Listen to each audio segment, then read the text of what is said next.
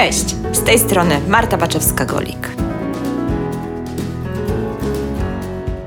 Rynek nieruchomości, biznes, inwestycje, czyli podcast Ruszamy Nieruchomości. To był 60. odcinek, nagrany 5 lat temu. Spotkaliśmy się przy okazji eventu organizowanego przez Global Investor Club, a dzisiaj spotykamy się ponownie przy okazji wielkiego wydarzenia dla inwestorów wszelkiej maści.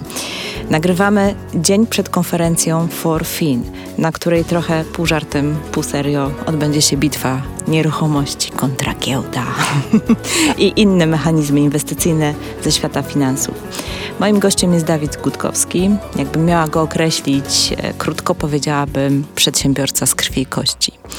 Człowiek o naprawdę szerokim spektrum doświadczenia w biznesie. Doświadczył ogromnych sukcesów, ale też i równie spektakularnych porażek.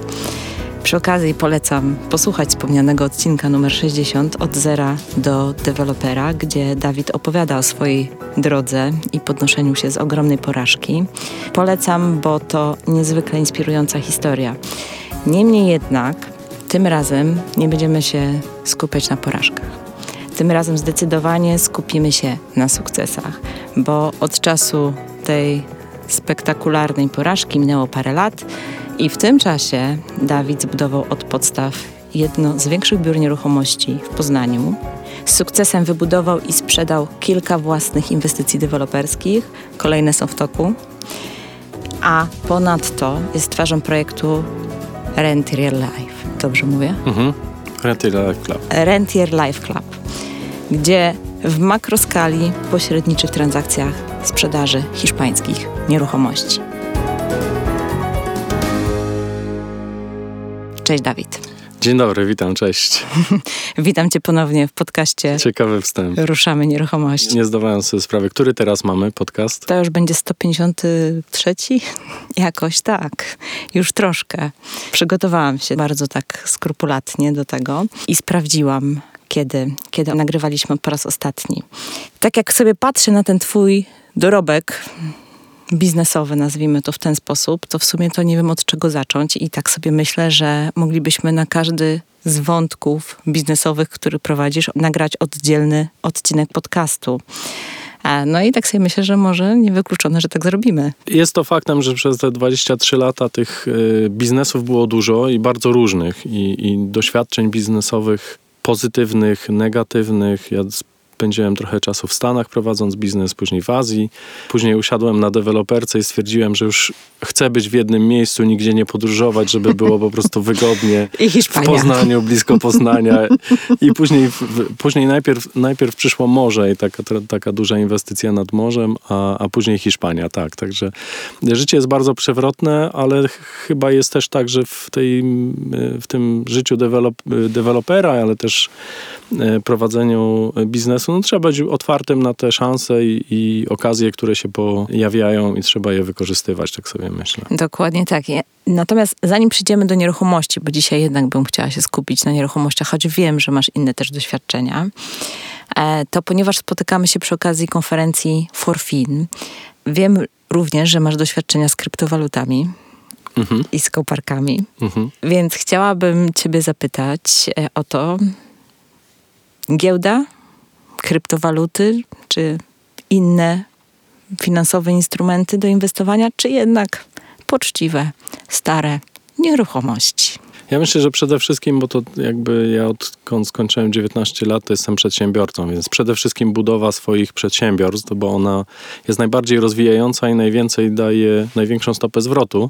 Oczywiście też daje dużo nauki, dużo y, sukcesów, dużo porażek w międzyczasie, natomiast rozwija na pewno najbardziej przede wszystkim taką odpowiedzialność za siebie i za to, co się robi. Ale no jak już mamy i inwestujemy, no bo jak już sobie zarobimy trochę pieniędzy, to no ja mam tak, że y, faktycznie nieruchomości to jest y, jakieś 90, pewnie 8% wszystkiego, co robię. Wszedłem jakiś czas temu w, w kryptowaluty, no bo tak sobie pomyślałem, że dla mnie nieruchomości są najbardziej bezpieczną formą inwestycji, szczególnie jak się jest i pracuje w tym zawodowo, a to już robię od ponad 13 lat, no to jest mało rzeczy, które są nieprzewidywalne. Jakby nie, nie, nie udało mi się stracić na żadnej inwestycji, czy w mieszkanie, czy, czy inwestycji deweloperskiej. To po drugiej stronie, czyli najbardziej ryzykowne, przynajmniej w mojej świadomości, są kryptowaluty i, i jakiś tam mały procent swoich inwestycji w te kryptowaluty inwestowałem, też kupiłem kryptokoparki różne i tak dalej. To, no to jest tam jakby bardzo ciekawa taki roller coaster, który, który w moim przypadku okazał się z jednej strony zyskowny i jakieś tam doświadczenie zdobyłem, więc jest to fajne.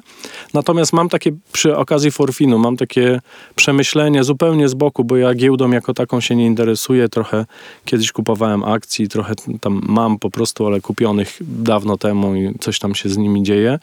To Myślę, że w tej chwili jest taki e, czas, w którym no, czujemy taką niepewność, mamy wojnę za granicami, teraz Izrael od niedawna i tak dalej.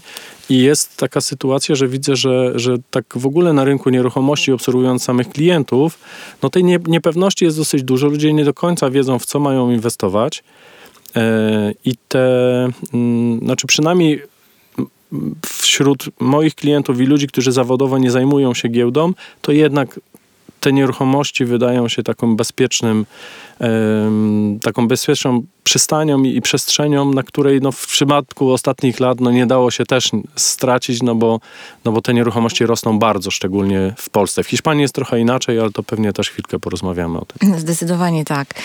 No i nic nie zapowiada się, żeby ten trend wzrostowy zaczął się odmieniać tutaj akurat na tej naszej przestrzeni. Przynajmniej wszelkie wskaźniki pokazują, że to cały czas jednak rośnie. To prawda. Wszelcy analitycy makro pokazują, że przynajmniej do końca trzeciego kwartału przyszłego roku, no to te ceny nie mogą spaść, bo nie ma na to podstaw żadnych. Jak będzie później, no to będzie trochę pewnie z, y, wpływ będzie na to miało utrzymanie tego kredytu dwuprocentowego, który jak wiemy ruszył ten rynek jednak dosyć mocno, więc zobaczymy co, co tutaj się będzie, będzie działo. No ale no, mamy rekordy i to takie rekordy, w których nawet zawodowi inwestorzy w nieruchomości patrzą i nie wierzą, że, że takie ceny jakby są i nieruchomości się sprzedają po takich cenach. Dokładnie. I dobrze, że wróciliśmy do nieruchomości od kryptowalut, bo dzisiaj chciałabym jednak przy tym temacie zostać i w szczególności chciałabym Ciebie wypytać dzisiaj o prowadzenie biznesu w obrocie nieruchomościami, bo z tego co pamiętam, to po tym jak e, miałeś swoją firmę, której udało Ci się tam stracić sporo pieniędzy mhm. i, i zaliczyć dosyć mocną E, no nie chcę powiedzieć, no, ale tak mi się ciśnie na usta, glebę. Mhm. nie bójmy się tego słowa.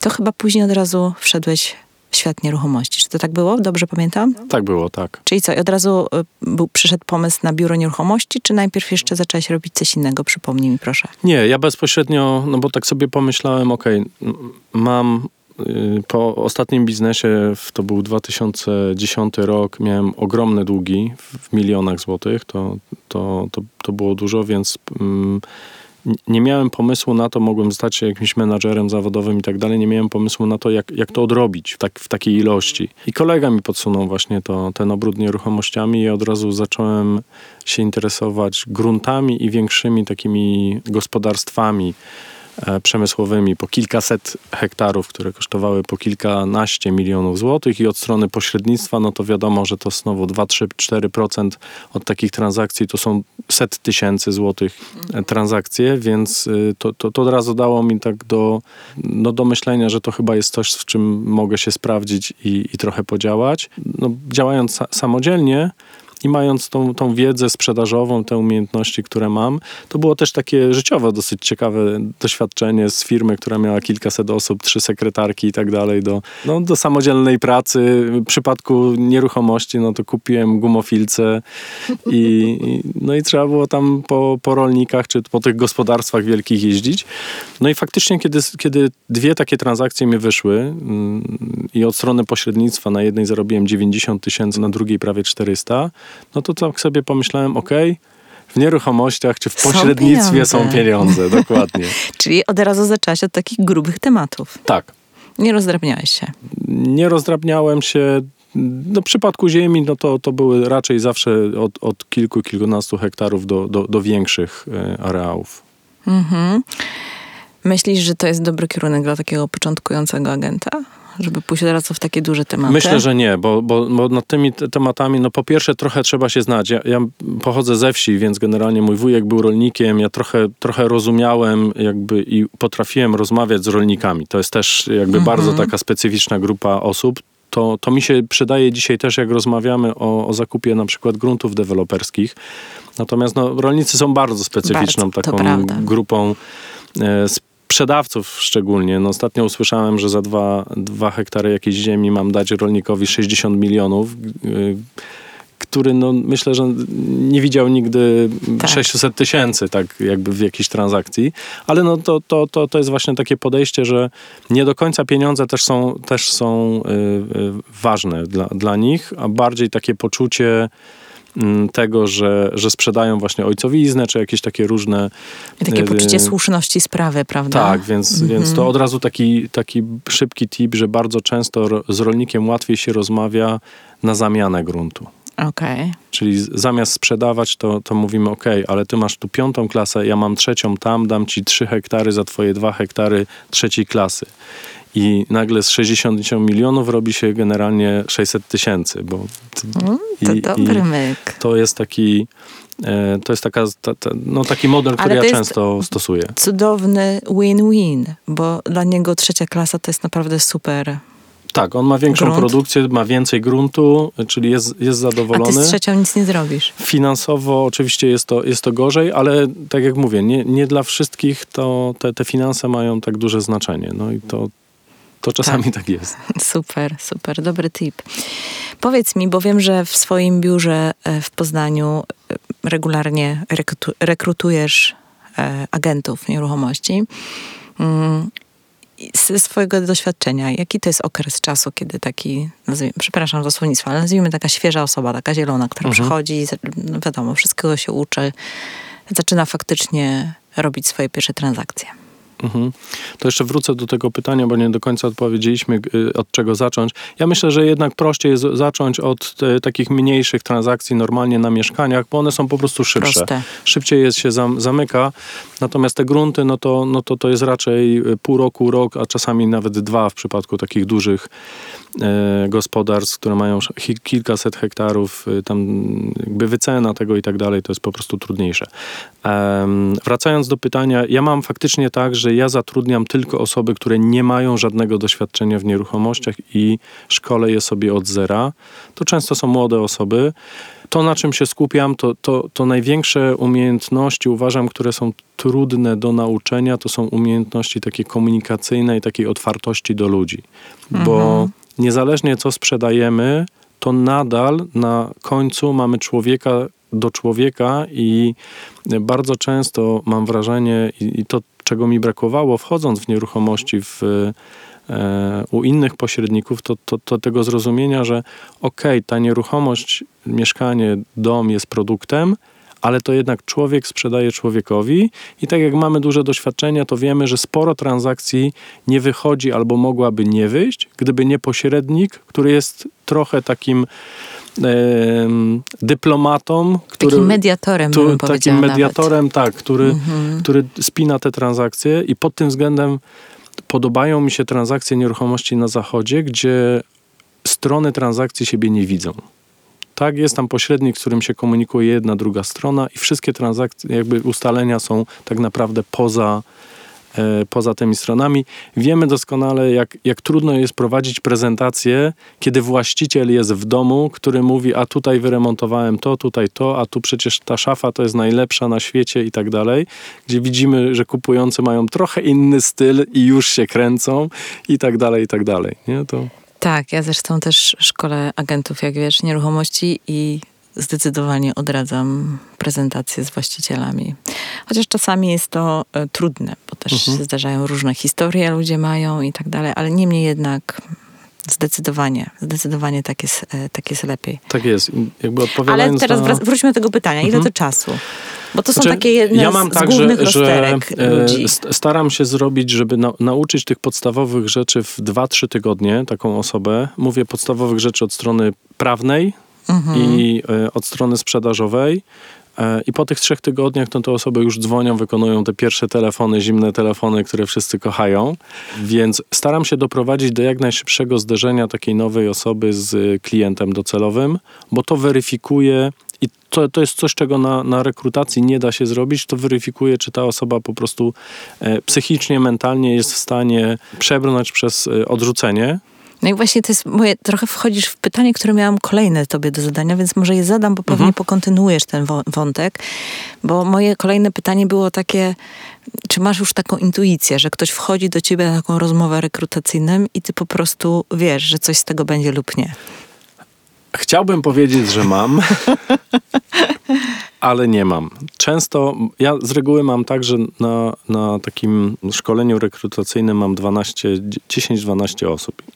Najczęściej z tych, dwóch, z tych 12 osób zostaje jedna lub dwie po trzech miesiącach czy po pół roku, natomiast gdzie to są osoby, które już są przeselekcjonowane w jakiś sposób i wydawałoby się, że te takie najbardziej gadatliwe albo najmądrzejsze, albo takie, które mają największą wiedzę nieruchomościową, bardzo często się przewijają, a często osoby, które są no takie mm, nie, niezbyt głośne, nawet nie, nie za bardzo barwne. Często w wieku 19-20 lat widać, że no, swoim ubiorem nie mają jeszcze jakby pieniędzy Takie- na takie to, żeby się aparycji. jakoś super ubrać na przykład i tak dalej. To jest jak najbardziej jakby zrozumiałe i normalne, ale mają coś takiego, że ludzie im ufają Mhm.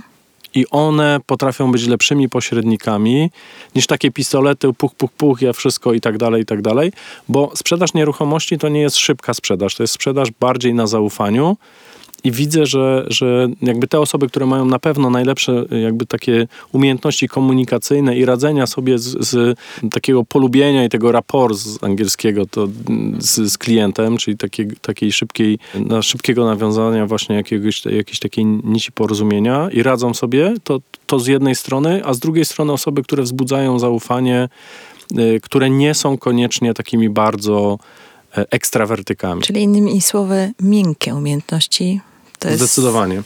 absolutnie number one. Mhm, też to powtarzam, choć nie każdy mi wierzy.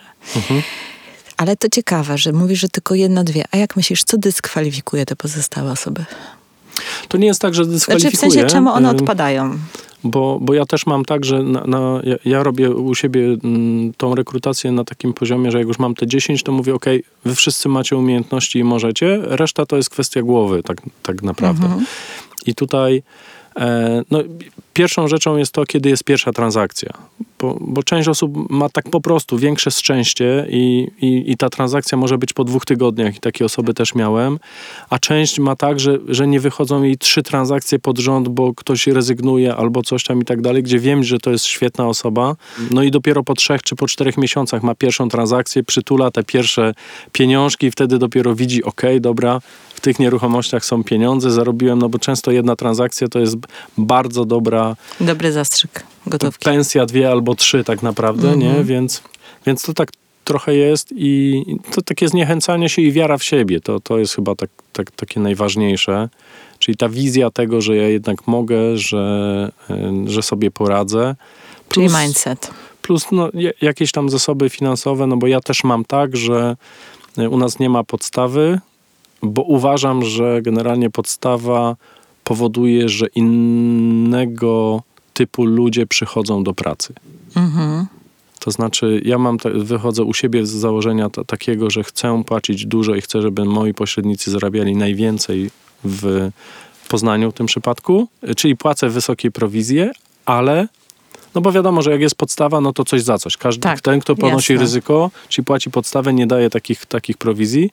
W związku z tym te osoby, które przychodzą i które są tylko na prowizji, one przychodzą i wierzą w swoje umiejętności. Tak z założenia. Jakby to, to tam jakby są, kochones są większe. Jasne. E, Dawid, ponieważ zaczynałeś jako taka jednoosobowa, je- jednoosobowe biuro, bym tak powiedziała, to mam do ciebie teraz takie pytanie. Chociaż już wiem, że zrobiłeś duże deale od razu, więc to pewnie będzie trudne pytanie, ale postaraj, masz też już doświadczenie i, i myślę, że możesz e, wydać jakąś taką swoją opinię na ten temat, bo mam do ciebie pytanie odnośnie obrotu. Jak, jak ty uważasz, jeżeli ktoś by się zdecydował pracować w takiej jednoosobowej działalności, to jaki jest, jakiego rzędu obrotu jest w stanie generować i realnie ile tych transakcji zrobić e, w ciągu no, roku, bo tutaj nie możemy mówić o miesiącu, bo wiadomo, że transakcje się przeplatają, czasem się zapną w miesiąc, czasem się przedłużą, przejdą i tak dalej, więc mówmy tutaj o roku.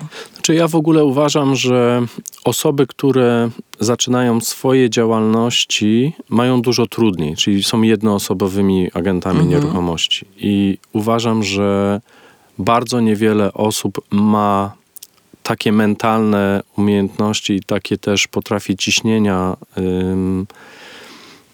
pokonać, żeby długofalowo sobie poradzić, bo to jest trochę tak, że ja zaczynałem sam, ale bardzo szybko też zrobiłem zespół, zatrudniłem osobę, która wcześniej u mnie pracowała i zbudowaliśmy zespół y, tak naprawdę tam dosyć szybko 10, później 14 osób i nawet z punktu widzenia właściciela, to, to jest tak, że w zespole kiedy przychodzi taka nowa osoba, bo to naprawdę nie chodzi o to, o te procenty, czy tam jest 40, 50 i tak dalej. Mhm. To bardziej chodzi o to, że e, rozkładają się też e, ciśnienia. W zespole też widzimy, że jeżeli jest 10 osób, to w każdym tygodniu jest jakaś transakcja, czyli mamy informację, ok, e, to nie jest tak, że, że, że wszystkim nie wychodzi, tylko mnie nie wychodzi, albo mnie nie wyszło w tym tygodniu.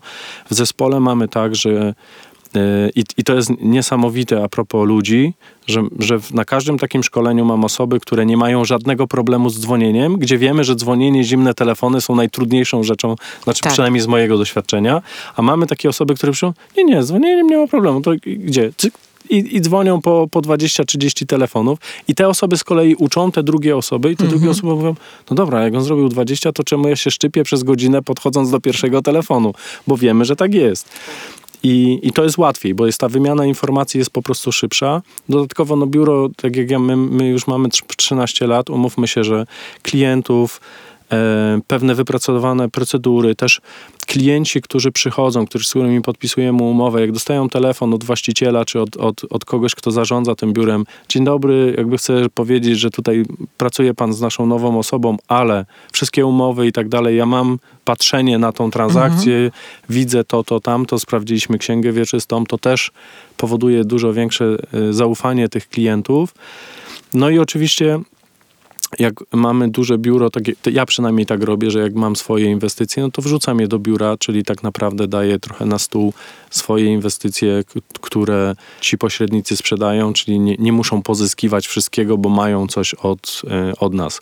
Ja też sam już teraz nie no, sprzedaję. Ale więc... ty jesteś takim wyjątkowym właścicielem biura, który buduje, co chyba nie ma zbyt wielu takich. Natomiast, tak, tak, ale nawet jak sam ale... pozyskuję, bo, -hmm. bo dzwonią do mnie oczywiście znajomi i tak dalej, czy znajomi deweloperzy, to też to wrzucam po prostu. Niekoniecznie swoje rzeczy, a też mm, takie, które, jasne, które, jasne. które gdzieś tam Ale mamy. jakby tak abstrahując, załóżmy, że, no bo część ludzi jednak, moje doświadczenie jest takie, przynajmniej jak ja zaczynałam pracować w tym zawodzie, to było tak, że każdy zaczynał gdzieś w biurze, wcześniej czy później lądował na swoim. Uh-huh. E, I gdzieś tam taka to była kolej rzeczy, że, że przychodzi ten taki moment, zresztą pewnie też tego doświadczasz, że ludzie się usamodzielniają i odchodzą, no, zakładają ostatnio swoje. cztery osoby ode mnie odeszły, no więc właśnie, generalnie więc... to też było dosyć takie duże wyzwanie. Więc faktycznie jest ten start taki w biurze pewnie ułatwiony, ale przychodzi taki moment, że ten człowiek się już czuje na tyle pewnie, e, że po prostu czuje, że już może, nie? Mhm. że to już jest ten czas. E, mhm. Z różnych względów e, decyduje się odejść, już tak jakby abstrahując od powodów. Natomiast, więc jeżeli mamy taką osobę, która gdzieś tam czuje, że już czas pójść dalej i zrobić kolejny krok w tej swojej karierze, bo dlaczego tak drążę o ten obrót przy jednoosobowej mhm. działalności, bo też zastanawiam się, mm, ile by musiało być, ile taka osoba musiałaby później, kolejne moje pytanie było, ile osób musiałaby zatrudnić, żeby przekroczyć ten, nie wiem, wymarzony milion czy dwa miliony mhm. obrotów w takim biurze. Jak to, jak to po prostu, okay, to, to... E, w sensie takim, gdyby chciał zacząć skalować swój mhm. biznes, nie? Więc tak trochę w tym kontekście to pytanie zadałam. Ja mam tak, że mm, trochę jeszcze y, wchodząc wcześniej, mm, to odchodzenie i usamodzielnianie osób jest dla mnie jako, jako osoby i właściciela biura takim papierkiem lakmusowym co do charakteru pewnych osób. Bo mam takie, takie osoby, ja przez te 13 lat wyszkoliłem pewnie kilka, jak nie kilkanaście biur pośrednictwa nieruchomości w Poznaniu. E, I mam takie osoby, z którymi współpracuję do dzisiaj, które przyszły i powiedziały, panie Dawidzie, czuję się już pewnie za trzy miesiące, pół roku odchodzę na swoje, przygotujcie się na to e, i, i, i mam super odstania, rozstania, a są takie też osoby, które przychodzą z dnia na dzień i mówią ok, dziękuję, do widzenia i, i, na razie. To, to, to też jest... Słuchajcie, ważne pod tym względem, że rynek nieruchomości w takich miastach, nawet dużych miastach jak Poznań czy Trójmiasto, jest bardzo mały i hermetyczny. I współpraca między pośrednikami też jest y, istotna, istotna i ona, ona może spowodować albo dużo biznesu, szczególnie jak się robi te większe takie rzeczy, czyli już kamienice, już deweloperkę, to, to tych ludzi też nie ma tak, tak dużo. A wracając do, do obrotu, ja mam takie, y, takie założenie i taki współczynnik, że dwie transakcje w miesiącu to jest minimum, które, y, które powinien realizować y, pośrednik. I teraz, jak duże są te transakcje, to już jest tak naprawdę wtórne, ale dwie powinny, powinny, powinny być. Wchodzić. Tak, mhm. to. I, teraz, no i oczywiście no, ten obrót też zależy na jakim rynku, jakie są ceny, czy małe miasto, czy duże miasto, bo wiadomo, że, że, że, że tutaj mówimy o różnych też wartościach. No i dzisiaj, dzisiaj to jest tak naprawdę takie 10-15 tysięcy dla, dla pośrednika przy, przy mniejszych transakcjach, bym powiedział, tak? Bo to może być równie 30 tak naprawdę miesięcznie, więc to są już naprawdę bardzo fajne pieniądze, uważam. Mm, no bo wiemy, że są osoby, które pracują 8 godzin dziennie przez 20 dni w miesiącu za, za 4 czy 4,5 tysiąca i a to jest de facto te 4,5 tysiąca, to jest jedna najmniejsza transakcja w tej chwili na jakimkolwiek rynku. To jest najem, dokładnie. To jest wynajem jakiejś nieruchomości tak naprawdę przy dzisiejszych stawkach, a sprzedaż to, no nie wiem, na moim trójmiejskim rynku to już to chyba nie ma takich prowizji niskich bo, bo nawet jeżeli weźmiesz 1%, no to tam to musiało być naprawdę, nie wiem, jakaś zapyziała kawalerka, mhm. żeby mieć e, taką no, stawkę, ale nie? Ale nikt 1% nie, nie, nie bierze się. No właśnie, to... no więc jakby to, to, to jest to to już naprawdę, no, no nie, no nie ma, po prostu ja, nie. Ja z założenia też no, poniżej 2% raczej nie, nie, nie, nie, nie, nie, nie my nie podejmujemy takich transakcji nawet na osoby, które się przyuczają, która to jest pierwsza, dla których to jest pierwsza transakcja, nie? To... Ja, ja osobiście, znaczy nie śmieję się, że jestem droga, ale uważam, że te 3% jest minimum. To jest uczciwa naprawdę stawka uh-huh. i, i faktycznie to jest coś, gdzie ty jesteś w stanie zainwestować w sprzedaż tej nieruchomości, w marketing. Nie patrzysz na każdą złotówkę, na każde podbicie, na każdy kolejny miesiąc promocji i tak dalej. Więc... To, to zgadzam się w 100%. Ja bardziej myślę o tym, że ktoś podpisuje pierwszą umowę i, i do, do, jakiej umowy schodzi, nie? I to, to, to no wiadomo, że jest kuszące, no bo dla, dla osoby, która podpisuje pierwszą, drugą, trzecią umowę... Tak, to się no wydaje, to, to że to jest taki najlepszy argument. Ważniejsze jest podpisanie tak. umowy niż y, te procenty z tej umowy, no bo, no bo jakby zaistnienie tej transakcji powoduje dużo dobrego, ale są tam granice.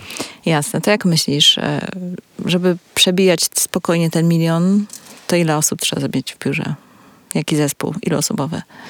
No to zależy od, od transakcji, specyfiki transakcji. No dzisiaj jest trochę tak, że... Pewnie mm, można na ty samemu to robić, nie? Można, można na pewno. Mm. Ja przyznam, że w tej chwili skupiam się e, bardziej już na, na deweloperce. No wiem, że sporo biur w tej chwili pracuje na na nieruchomościach pierwotnych, na, na cesjach. No i to, to, to jest cały przemysł tak naprawdę już powstał przez ostatnie 4-5 lat. Ja nie mam aż tak dużego doświadczenia, bo, bo nie skupiałem się na tym segmencie. Natomiast no, no to, to, to zależy od tego, no bo w Trójmieście na pewno masz łatwiej, bo te ceny w nieruchomości w Trójmieście są dużo wyższe niż tak. w takim Poznaniu na przykład, gdzie Poznań też nie jest takim małym miastem i te ceny, ceny wzrosły. Aczkolwiek no, na większości, czy w Łodzi, czy, czy, czy w Bydgoszczy, no to te ceny nieruchomości już są około 10 tysięcy za metr, więc y, automatycznie prowizje od tych nieruchomości są już y, sensowne. sensowne i wysokie, także to, to, to jest już fajny kawałek Jest o co walczyć. chleba do, do, do zdobycia, zdecydowanie. Jest o co walczyć. Wiesz, ja prowadzę mm, regularnie taki webinar, jak zostać agentem nieruchomości, gdzie, gdzie rozkminiamy wszystkie poszczególne etapy i, i również e, to, czy zaczynać samodzielnie, czy z biurem i tak dalej, i tak dalej, ale nie o, to, e, nie o tym chcę teraz mówić. Natomiast bardzo często to się notorycznie powtarzają takie pytanie, no dobrze, ale już jest tyle biur, sam powiedziałeś, że kilkanaście biur w Poznaniu y, przeszkoliłeś tak naprawdę. Y, I, I kolejne biuro i kolejne, czy jak z konkurencją, albo nie wiem, pójdę do dużego biura, tam jest, nie wiem, 15-20 pośredników, wszyscy będziemy sami ze sobą konkurować. Powiedz mi, jakie jest Twoje podejście do tego tematu? Czy, czy jeżeli tak, bo teraz zadaję to pytanie z myślą o osobach, które zastanawiają się, czy, czy ruszyć w tym biznesie, czy samodzielnie, czy z biurem, to nie ma znaczenia tak naprawdę, ale chcą wejść w tą branżę, no i wiadomo, jednym z takich zaleceń zazwyczaj jest zbadaj konkurencję. No to zaczynają badać tą konkurencję i się okazuje, że tam, nie wiem, nie, nie mam pojęcia ile teraz w Trójmieście, ale pewnie, że z 500 biur spokojnie. Myślę, że więcej. Nawet może i więcej. Jak no. zaczynałem w Poznaniu było 1003 mm, biura pośrednictwa nieruchomości. No, no to właśnie. w Trójmieście na pewno jest więcej. I nie bałeś się konkurencji? Nie bałem się konkurencji. to opowiedz o tym. Słuchajcie, to jest trochę tak, że ja, ja też zalecam, żeby przejść się trochę na mm, spotkania z pośrednikami. Ja to nawet zalecam zamieścić ogłoszenie.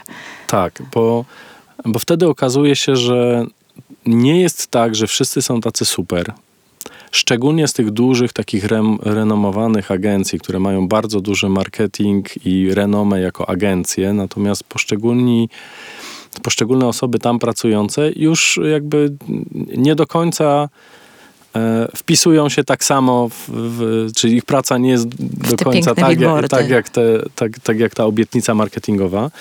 To jest, to jest jedno. Drugie... To jest trochę też e, coś innego, w, jak, jak ja właśnie rekrutuję osoby i mówię, że praca pośrednika to jest zawód. I to, to, jest taki częsty argument też, jak spotykam się z klientami i oni coś tam mi mówią, że pośrednik to coś tam, coś tam, że, że tych procentów jest za dużo i tak dalej. Ja często mówię do, do pana Krzysia czy pana Zenona, czym się zajmuje.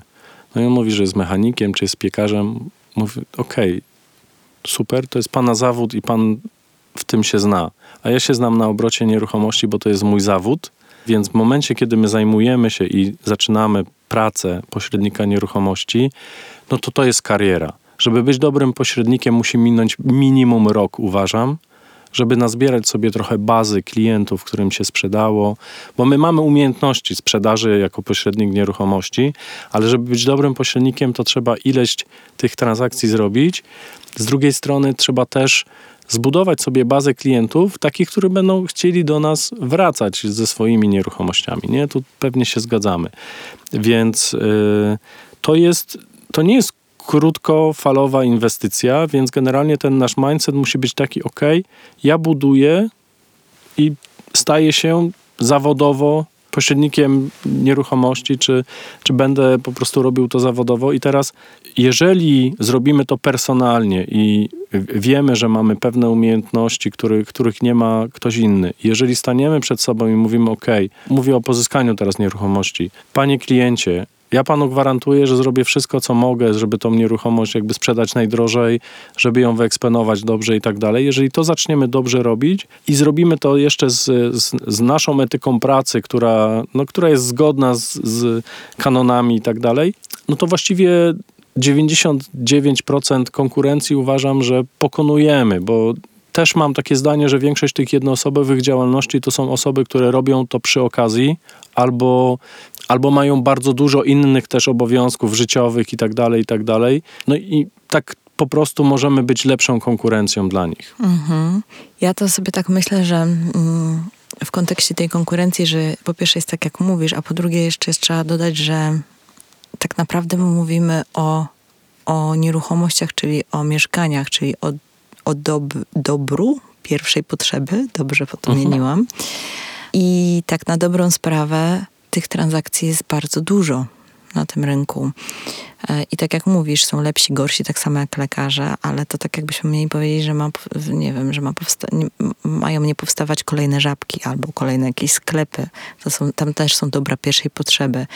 I wiadomo, że taka, taka sieć wchodząc na, rynku, na rynek bada sobie daną dzielnicę, miejsce, ulicę, gdzie otworzy swój sklep, ale prawda jest taka, że jak nie otworzy na tym rogu ulicy, to otworzy dwa rogi dalej.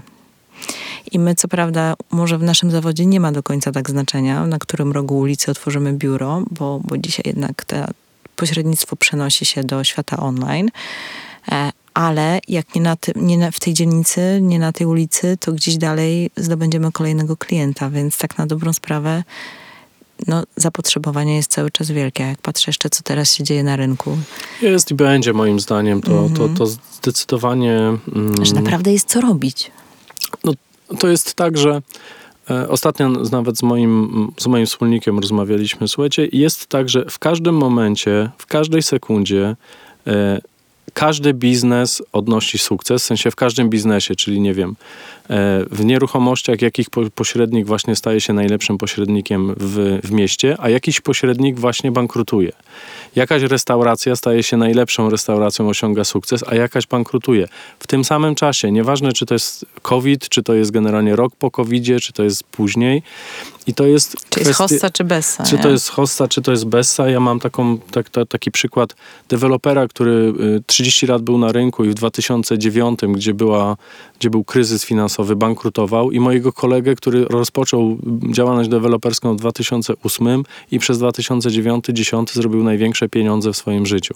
Więc to jest tylko kwestia tego, czy my po pierwsze chcemy, i, i to jest transakcja z sobą tak naprawdę, i ona jest na dłużej niż na 3 miesiące czy pół roku no bo nie da się zbudować dobrego brandu w e, obrocie nieruchomości mm -hmm. krócej. To jest maraton, umówmy się. To jest, to, to, to jest to, proces. To jest, to jest jedno. Każdy dystans. z nas jest też wyjątkowy i każdy z nas ma pewne umiejętności, które są e, szczególne, więc e, każdy też będzie rezonował trochę z innymi klientami. Umiejętności miękkie są tutaj kluczowe zdecydowanie.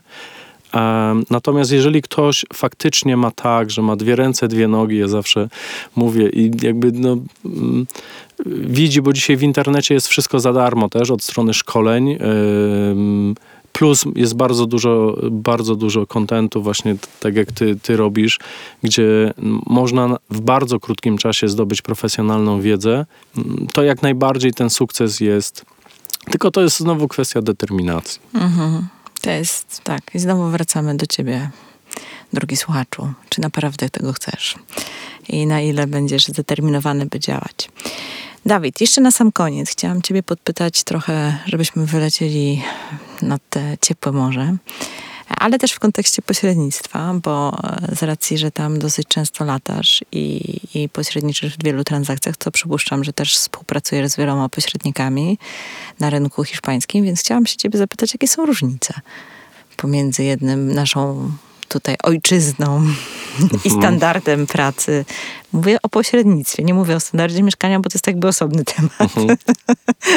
Ale o samej w ogóle usłudze. Ja wziąłem głęboki wdech, chyba było słychać. tak. I jeszcze tak specyficznie przewróciłeś oczami.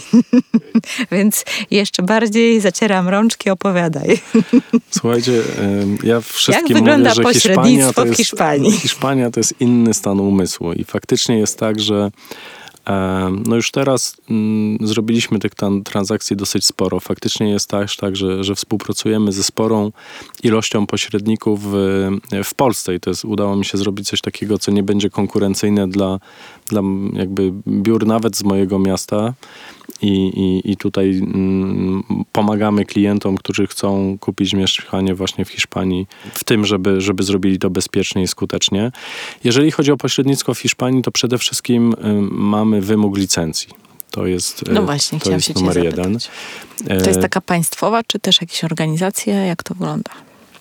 E, ona jest zarządzana przez, e, przez taką instytucję państwową i są organizacje, które po prostu organizują te, te kursy. W związku z tym no, trzeba posługiwać się językiem hiszpańskim, nawet jak ktoś tam sobie, sobie chce, chce lecieć i tą działalność prowadzić. Trochę inaczej wygląda cała sprzedaż nieruchomości, też akty notarialne są dużo dłuższe. trochę też dostęp do na przykład księg wieczystych mają tylko notariusze i licencjonowani agenci plus adwokaci, więc nie jest tak, że on jest na przykład publicznie dostępny. E, to tak z takich ciekawostek. A są jakieś portale takie z cenami transakcyjnymi, czy, czy jak to wygląda? Tak, tak, oczywiście, oczywiście coś takiego, coś takiego występuje. No przede wszystkim na rynku hiszpańskim mamy to, że połowę transakcji, przynajmniej, przynajmniej tych, które, połowę transakcji w ogóle wszystkich na rynku hiszpańskich to są transakcje obco, z obcokrajowcami, czyli to są osoby, które, to turyści, którzy kupują nieruchomości w w Hiszpanii i to jest, y, to jest kluczowe, no bo najczęściej właśnie no, obsługuje się i to tak odpowiednio właśnie Anglików, y, Skandynawów czy Są takie czy, nawet czy wyspecjalizowane biura, prawda? Które tak, obsługują dany, daną narodowość. Tak, y, tak jest faktycznie. Też jest tak, że z reguły sprzedaje się też nieruchomości w różnych miastach bo ktoś przyjeżdża do Alicante, ale równie dobrze może kupić nieruchomość 30-50 kilometrów dalej, więc nie ma czegoś takiego jak u nas, że raczej się skupiamy na danej miejscowości, czyli jednym nawet, mieście. Nawet na dzielnicach czasami. Nawet na dzielnicach, dokładnie. Mhm. Natomiast tam jest tak, że no z każdym klientem jednak się jeździ, no bo on nie do końca wie, jak przylatuje. Nawet jeżeli przylatuje i chce coś kupić i wie, co chce kupić, to najczęściej kupuje coś innego, no bo jak wiemy, okolica ma duże, e, duże znaczenie. Więc to, to są takie e, podstawowe różnice. Co do samej pracy, to, to, to jest bardzo podobnie. No, du, dużo też się sprzedaje inwestycji deweloperskich i to, to jest może e, łatwiej, bo u nas deweloperzy raczej mają swoje biura, które sprzedają i bezpośrednio się kontaktują. Tam jest tak, że e, deweloperzy współpracują z wszystkimi i, i tutaj często się po prostu odwiedza tych deweloperów i, i pokazuje te, mm, te nieruchomości procenciki są większe, tak z dwukrotnie bym powiedział, e, średnio. To jest na pewno taka różnica, która jest, jest bardzo, ba, bardzo pozy pozytywna. E, dokładnie. Mm, no ale to też jakby trzeba tam być na miejscu. To, to, to, to już wymaga zmiany ca całego generalnie e, życia. Chociaż w przypadku, no dzisiaj mamy 3 stopnie w, w Warszawie, w, w Gandhi. Przed chwilą rozmawiałem z, z naszą Ja generalnie mam taką myśl co roku w listopadzie. tak, e, tak jest faktycznie. I pewnie nie jestem sama. Jest, y, co, co, co do Hiszpanii, jest też tak, że bardzo dużo rzeczy się robi po prostu. Bardzo, bardzo ważny jest ten small talk, czyli to generalnie.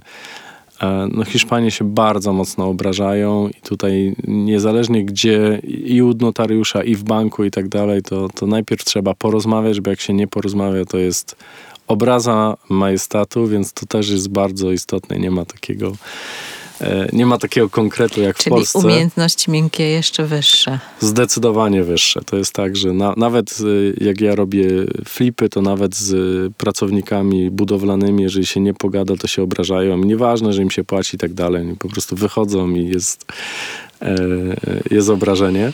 Rozumiem. Ale no, bardzo, bardzo ciekawy ten rynek jest, taki, taki inny. Także mm, coś, coś co, co na pewno mnie mocno rozwinęło, jeżeli chodzi o postrzeganie i, i zrozumienie innych mentalności. No, na pewno ciekawe też kulturowo, bo z jednej strony sami Hiszpania, z drugiej strony, tak jak mówisz, e, turyści, którzy też tam wchodzą na ten rynek. Tak, no jakby praca w Hiszpanii też mi pokazała, że Polacy są najtrudniejszym, najbardziej wymagającym klientem w całej Unii Europejskiej. Naprawdę? To, to jest y, nie tylko moja, moje zdanie, ale, ale absolutnie A pod wszystkich. względem? Pod względem tego, że mm, jesteśmy bardzo punktualni, bardzo konkretni, bardzo roszczeniowi, bardzo wymagający, co, co jest być może jakby częściowo dobre, natomiast standard wykończeń w Polsce jest najwyższy w Europie. Mieszkań masz na myśli? Mieszkań. Mhm. I w, w, w, Hiszpanii nawet w bardzo luksusowych e, nieruchomościach no, często nie ma takich standardów, nie ma e, takich, takiej stolarki okiennej, nie ma tak spasowanych płytek i tak dalej, i tak dalej. I to często takich to często klientów z Polski z jednej strony razi, a z drugiej oni nie potrafią zrozumieć, że nawet, nawet przy luksusowych właśnie nieruchomościach, no tak po prostu jest, bo tak to wygląda w Hiszpanii. Ja nie mówię, że te, te nieruchomości są gorsze, tylko nikt nie zwracał z takim pietyzmem szczegółów na, na detale. Mhm. I to, y, to jest y, bardzo takie y, no, ważne.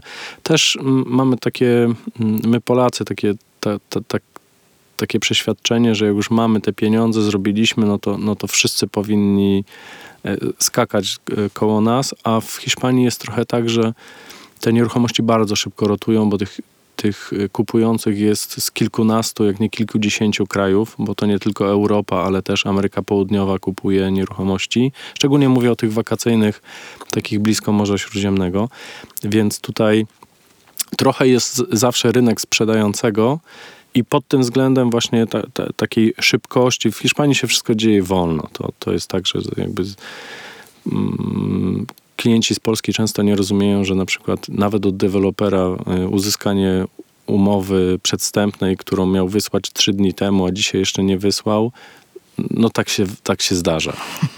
I to, to jest, I to często nawet. Jak, To teraz pytanie za 100 punktów. Czy troszkę przenosisz na nasz rynek te standardy do swojego biura? Nie, nie, nie, bo to Nie, jakby nie, nie, Tra, tra, trafiłbym do tego dzie- dziesięciu tych najgorszych. Czyli innymi słowy, teraz mówię do osób, które zamierzają coś kupić w Hiszpanii, bo jest taki trend, dużo Polaków kupuje. E, Troszkę muszą odpuścić. Tak, to, to ja nawet widzę, bo my robimy takie wyjazdy inwestycyjne dla, dla inwestorów. Ja nawet to widzę mm, coś takiego, jak spotykamy się pierwszego dnia na kawie. Umawiamy się o dziewiątej, ja z reguły sobie już tam piję w moim ulubionym miejscu w Alicante kawę. I te osoby siadają. Restaurację prowadzi taki mój zaprzyjaźniony y, y, kolega. On tam sam z mamą generalnie najczęściej pracuje. Ja widzę, że po trzech minutach już oni się odglądają, a gdzie jest kelner, a czemu jeszcze nie przyszedł i tak dalej. I po, po dwóch, trzech dniach już jest tak, że oni siadają koło mnie spokojnie, wiedzą, że on przyjdzie za pięć minut, albo za siedem, albo za dziesięć, ale przyjdzie. Nie ma sensu go po, pospieszać, bo, bo to nic nie daje. W przypadku Hiszpanów to jest wręcz w drugą stronę. W urzędach niestety też. Jak Hiszpan właśnie je kanapkę i nikogo nie ma przed nami, to mu się nie przerywa, daje mu się skończyć tą kanapkę, wypić tą herbatkę i dopiero jak poprosi, to się idzie do okienka w urzędzie. Bo jak się to zrobi w drugą stronę, tak jak u nas, no ale pani jest sama, to proszę mnie teraz obsłużyć, to często będziemy czekać dwie godziny na to Tak. obsłużenie. I niekoniecznie załatwimy wszystko. I nie, nie chcę tutaj w żaden sposób jakby zniechęcać do Aha. Hiszpanii. Ona jest piękna, natomiast jest po prostu Jest inna. inna. Jest inna, dokładnie. Moi drodzy słuchacze, teraz do Was mówię. Jeżeli interesuje Was, albo nie wiem, mm, czujecie, że, że ta praca agenta nieruchomości w Polsce bądź w Hiszpanii, kto to wie, jest dla Was dosyć ciekawa, mm, to, to tutaj chciałabym Was serdecznie zaprosić na webinar Jak zostać agentem nieruchomości i pozwolę sobie tutaj zrobić kawałek reklamy webinaru. Link oczywiście do webinaru zamieszczę w opisie, ale też powiem www.ruszamynieruchomości.pl ukośnik zostań myślnik agentem, oczywiście bez polskich znaków. E, także gorąco Was zapraszam. Tam postarałam się, w ogóle zrobiłam coś takiego, że, że, że wpisałam w Google najczęściej zadawane pytania, które ludzie wpisują z ręki po prostu e, w przeglądarkę, żeby, żeby dowiedzieć się, jak zostać tym agentem. I tam pojawiały się różne pytania. Od takich podatkowych, po właśnie czy z biurem, czy samodzielnie, czy z licencją, czy bez licencji, jakie szkolenia i tak dalej, tak.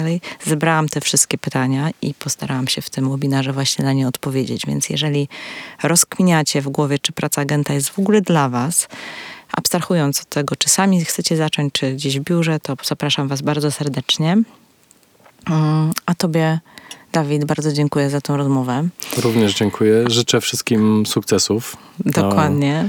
zostaniu agentu, agentem nieruchomości i słuchajcie, przede wszystkim to jest wizja siebie. To jest, myślę, najważniejsze, kluczowe, także, Tak, e, tak, tak. także zapraszam. I z mojej strony mogę tylko powiedzieć, że ja żałuję, że tak późno, czyli w 2010 wszedłem w nieruchomości, bo to jest trochę tak, jak rozmawialiśmy, jak się wejdzie w nieruchomości, to już się z nich nie wychodzi.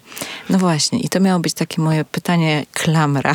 Okej. I, I tutaj właśnie spaliłeś to w tym A. momencie. Bo chciałam na koniec zapytać, zadać takie pytanie, czy potwierdzasz, że tak jest, ale właśnie, właśnie to powiedziałeś, że tak jest. Tak jest, tak jest. Rzeczywiście mm, A jak myślisz, w czym tkwi ta magia nieruchomości? Dlaczego tak jest? Ona tkwi w tym, że generalnie jest to najłatwiejszy sposób na to, żeby mm, przy pomocy dźwigni finansowej innych ludzi doprowadzić do momentu, w którym my osiągamy sukces finansowy i rozwijamy się. Bo mm, jest tak, że nieruchomości są bezpieczne. Zabezpieczenie finansów inwestora czy osób, jeżeli sami nie mamy na nieruchomości, jest bardzo e, proste i konkretne i mocne, więc jeżeli robimy flipa i nie mamy pieniędzy, to możemy wziąć, ten, ten inwestor kupuje to mieszkanie i my możemy tu, tu pomóc i przy odrobinie mm, zaufania jakby to się wydarza. Jeżeli coś budujemy jako deweloper i tak dalej, no to mamy e, z jednej strony klienci mają te rachunki deweloperskie, z drugiej strony deweloper ma finansowanie klientów, plus mamy też możliwość oczywiście kredytów. A, a w przypadku samego bycia samym agentem nieruchomości, słuchajcie, no to jest niesamowite, że my potrafimy mieć 3%, e, czyli zarobić 3% z inwestycji milionowej czy dwumilionowej. No to, to jest y, absolutnie fenomenalne, czyli ktoś ma jakiś majątek na poziomie miliona czy 10 milionów, a my z tego mamy jakiś procent nie inwestując tylko swój czas i umiejętności tak naprawdę. Ja nie mówię, że to jest ma- mało, bo wiemy, że to nie jest mało ta inwestycja czasu i umiejętności, ale nadal nie mamy Bez, bez majątku, angażowania własnego kapitału. dostajemy procent z tego majątku i to jest absolutnie e, fantastyczne. I teraz pytanie tylko, jak, jak dużym, dużymi transakcjami i nieruchomościami jesteśmy w stanie obracać. Mamy zawsze tam procent z tego, tego majątku. To jest świetny start. Ja powiem Ci szczerze, że bo prowadzę również taki, taki klub, to jest taka moja wizja takiego biura zrzeszające, zrzeszającego takich solo agentów właśnie, którzy, którzy gdzieś tam czują, że już chcą pójść na, na swoje, ale właśnie nie chcą być sami. Tak jak Mhm. Ty powiedziałeś na, na początku, że, że często to nie chodzi o te procenty, tylko chodzi o tą właśnie wymianę doświadczeń i, i po prostu tego, że działamy razem, więc gdzieś zrzeszam w tym klubie takich właśnie agentów. I ostatnio pojawiła się w klubie osoba, która y, flipowała. Znaczy flipuje nadal. Mhm. I, i, I tak właśnie opowiada, że robi flipy, że to, że tamte. Ja Mówię, słuchaj, daj sobie czas, zrób trochę transakcji, jeszcze się okaże, że ci się przestanie chcieć robić flipy. Mhm. Bo naprawdę pośrednictwo, co prawda, te marże, te procenty są niższe, ale jak robisz to na większym wolumenie, to często i gęsto zarobisz więcej niż na flipie. E, bo flip jakoś tam ogranicza do twojego dostępu do inwestora, czy do gotówki, czy do kredytu, jaki masz, e, bo trzeba tą nieruchomość kupić, wyremontować i tak no i dalej jest jeszcze ryzyko sprzedaży, które tam Tak, może e, trochę potrwać. potrwać i tak dalej, więc też ten zysk może się zmniejszyć w międzyczasie, jeżeli to się będzie wydłużać. A tutaj jest no po prostu Mhm. czysty, czysty pieniądz, Tak jest. powiedziałam. Do, dodatkowo to, co jest dla mnie ważne, to to, i myślę, że dla większości osób, które zaczynają, to jest to, że e, rozmawiają z osobami, które, no bo część z tych osób to jest ok, osoby, które dostały mieszkanie po, po, po cioci, czy to jest jedyne mieszkanie, ale z drugiej strony 20, 30, 40% osób to są inwestorzy, to są bardzo bogaci ludzie, którzy przy okazji tych rozmów, przy okazji sprzedaży tych nieruchomości, no dają fajne takie generalnie wskazówki na to, jak się zachowują, jak myślą osoby, które, które są y, majętne, czy zdobyły jakiś majątek, czy mają swoje firmy. I, I tutaj no, to jest najłatwiejszy dostęp do takiego mentoringu trochę i mentalnego, i, i, i tak naprawdę dostępu, jeżeli y, zbudujemy fajną relację z, tak, z taką osobą, to ona na pewno ma kilka, jak nie kilkadziesiąt nieruchomości, więc mamy takie z Dokładnie. jednej strony źródełko. Mało tego, ma podobnych sobie znajomych. których jest może, kolejny Tak, aspekt. to jest kolejny aspekt. E, a już nie wspomnę o tym, że zdobywasz naprawdę taką no, praktyczną wiedzę na temat obrotu nieruchomościami, nie na swoich nieruchomościach Mhm.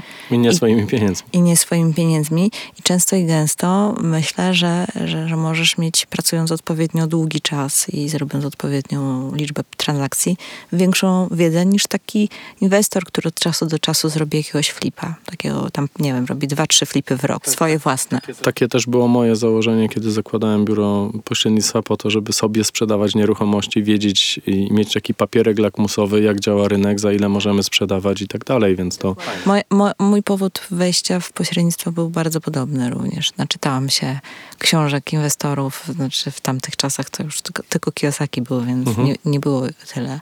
Ale pamiętam, że on tam w tym, tej książce Bogaty Ojciec, Biedny Ojciec napisał, że jak chcesz coś zacząć robić, to zacznij tam najpierw pracować, żeby to poznać. No to ja się tak bardzo tym zainspirowałam. No i okazuje się, że jakkolwiek jakie, jakie tam inwestycje gdzieś tam w międzyczasie nie poczyniłam, to jednak cały czas wracam do tego pośrednictwa, no bo to jest po prostu mega fajna praca, to po pierwsze. Po drugie, bardzo intratna, a po trzecie, bardzo rozwijająca, więc wszystko się tu zgadza. Zdecydowanie tak. Super. Potwierdzam. Potwierdzasz. Coś pięknego. Dawid, wielkie dzięki. Powiedz jeszcze na koniec, gdzie cię można znaleźć. E, słuchajcie, Może ten najłatwiej- rentier, jak ktoś by chciał Naj, zrobić jakiś najłatwiej deal. mnie znaleźć na Dawid Gutkowski na Facebooku. Jeżeli ktoś z Was będzie miał e, zainteresowany lub też chciałby kupić nieruchomość w Hiszpanii, to Rentier Life Club też polecam.com. Tam mamy, mamy stronę, współpracujemy. Też wrzucę link. Także mm, najłatwiej na, na, na Facebooku y, i strona dawidgutkowski.pl też. Tak jest.